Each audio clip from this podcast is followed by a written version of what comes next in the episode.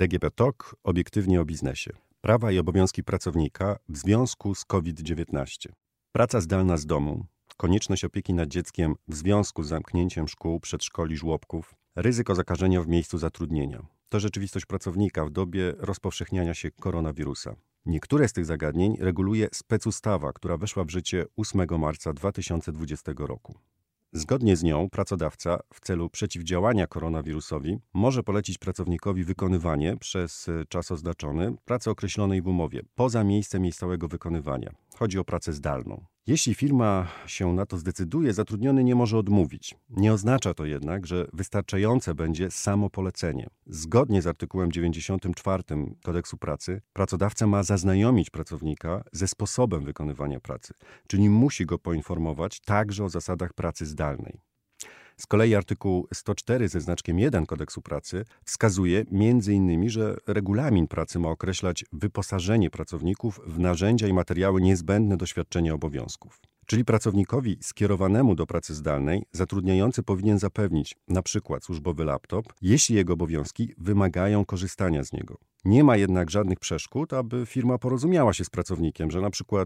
w domu pracuje on na prywatnym sprzęcie. Oczywiście, jeśli jest to możliwe z uwagi na przykład na dostęp do wewnętrznej sieci elektronicznej pracodawcy. Trzeba też pamiętać, że polecenie pracy zdalnej nie zwalnia pracodawcy z obowiązku dbania o zdrowie i życie zatrudnionych oraz zapewnienia im bezpiecznych i higienicznych warunków pracy.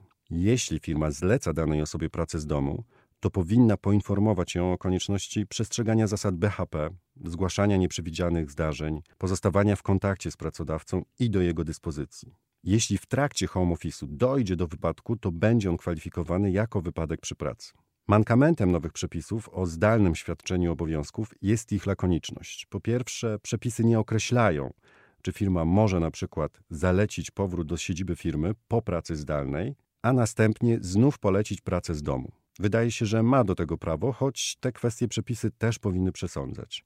Po drugie, specustawa nie przewiduje przypadku, gdy zatrudniony nie ma w praktyce możliwości świadczenia pracy z domu, przykład z przyczyn socjalnych i bytowych. Teoretycznie firma nawet w takiej sytuacji może wydać polecenie pracy zdalnej, ale w praktyce poniesie odpowiedzialność przykład za brak zapewnienia bezpiecznych higienicznych warunków pracy i ewentualny wypadek przy niej. Po trzecie, nowe regulacje nie przesądzają, że firma musi zlecić zatrudnionemu wykonywanie pracy z jego domu. Teoretycznie może być to inne miejsce, choć musi być ono bezpieczne dla pracownika. Jeśli stwarzałoby zagrożenie dla zdrowia lub życia, co w obecnej sytuacji epidemiologicznej e, jest bardzo prawdopodobne, pracownik może odstąpić od wykonywania obowiązków. Prawo do takiego odstąpienia to ważne uprawnienie pracownika w obecnej sytuacji. Przysługuje ono wszystkim zatrudnionym, nie tylko tym kierowanym do pracy zdalnej, ale także wykonującym obowiązki w siedzibie firmy lub na przykład wysyłanym w podróż służbową. Przewiduje je artykuł 210 kodeksu pracy. W razie, gdy warunki pracy nie odpowiadają przepisom BHP i stwarzają bezpośrednie zagrożenie dla zdrowia lub życia pracownika, albo gdy wykonywana przez niego praca grozi takim niebezpieczeństwem innym osobom, zatrudniony ma prawo powstrzymać się od wykonywania pracy, zawiadamiając o tym niezwłocznie przełożonego. Jeżeli samo powstrzymanie się od wykonywania pracy nie usuwa zagrożenia, podwładny ma prawo oddalić się z miejsca pracy, zawiadamiając o tym szefa. Za czas powstrzymania się od obowiązków i oddalenia z firmy pracownik zachowuje wynagrodzenie. Zatrudnieni muszą jednak pamiętać, że ich decyzja o odstąpieniu podlega ocenie pod kątem zasadności.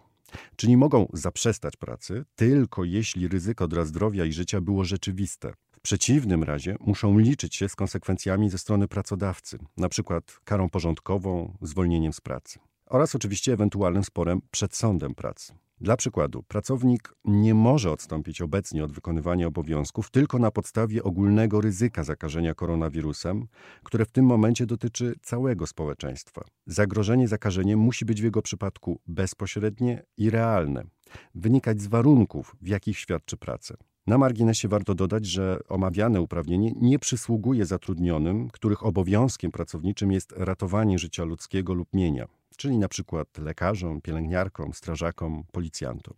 Prawo do odstąpienia ma też istotne znaczenie także z punktu widzenia wspomnianej pracy z domu. To firma decyduje o poleceniu wykonywania obowiązków zdalnie. Pracownik może o nią wnioskować, ale decyzję podejmuje szef. Przy czym musi się on liczyć z tym, że jeśli nie skieruje zatrudnionego na nią, a ma taką możliwość, to ten w razie narastającego ryzyka powstrzyma się od pracy na podstawie artykułu 210 kodeksu pracy. Z punktu widzenia pracowników bardzo istotne znaczenie ma też kwestia opieki nad dziećmi w związku z zamykaniem szkół, przedszkoli, żłobków, klubów dziecięcych. Tym zakresie specustawa przewiduje, że z powodu konieczności osobistego sprawowania opieki nad dzieckiem w wieku do lat 8 rodzicowi przysługuje dodatkowy zasiłek opiekuńczy za okres do 14 dni. Przysługuje on od 12 do 25 marca 2020 roku, gdyż to jest okres zamknięcia placówek w związku z COVID-19. Okresu wypłaty dodatkowego zasiłku nie wlicza się do ogólnego limitu 60 dni, które przysługują na opiekę nad chorym dzieckiem do lat 14. Z nowego uprawnienia mogą skorzystać wszyscy rodzice lub opiekunowie prawni dziecka, którzy są pracownikami, a zleceniobiorcy i samozatrudnieni, jeśli opłacają składkę chorobową. Aby otrzymać zasiłek, wystarczy złożyć oświadczenie do swojego płatnika składek, np. pracodawcy, zleceniodawcy, a samozatrudnieni bezpośrednio do ZUS. W trudniejszej sytuacji są rodzice zdrowych dzieci, które ukończyły już 8 lat. W takim przypadku najskuteczniejszym rozwiązaniem jest porozumienie się z pracodawcą. W wyniku uzgodnień z firmą pracownik może na przykład wykorzystać przysługujący mu urlop wypoczynkowy lub dwa dni opieki nad dzieckiem do lat 14.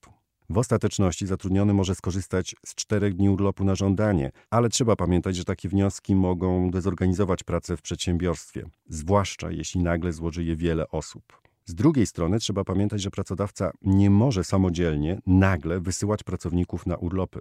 Ma do tego prawo tylko w przypadku zaległego urlopu lub w okresie wypowiedzenia umowy o pracę. W pozostałych sytuacjach powinien ustalać terminy wypoczynku w porozumieniu z pracownikami.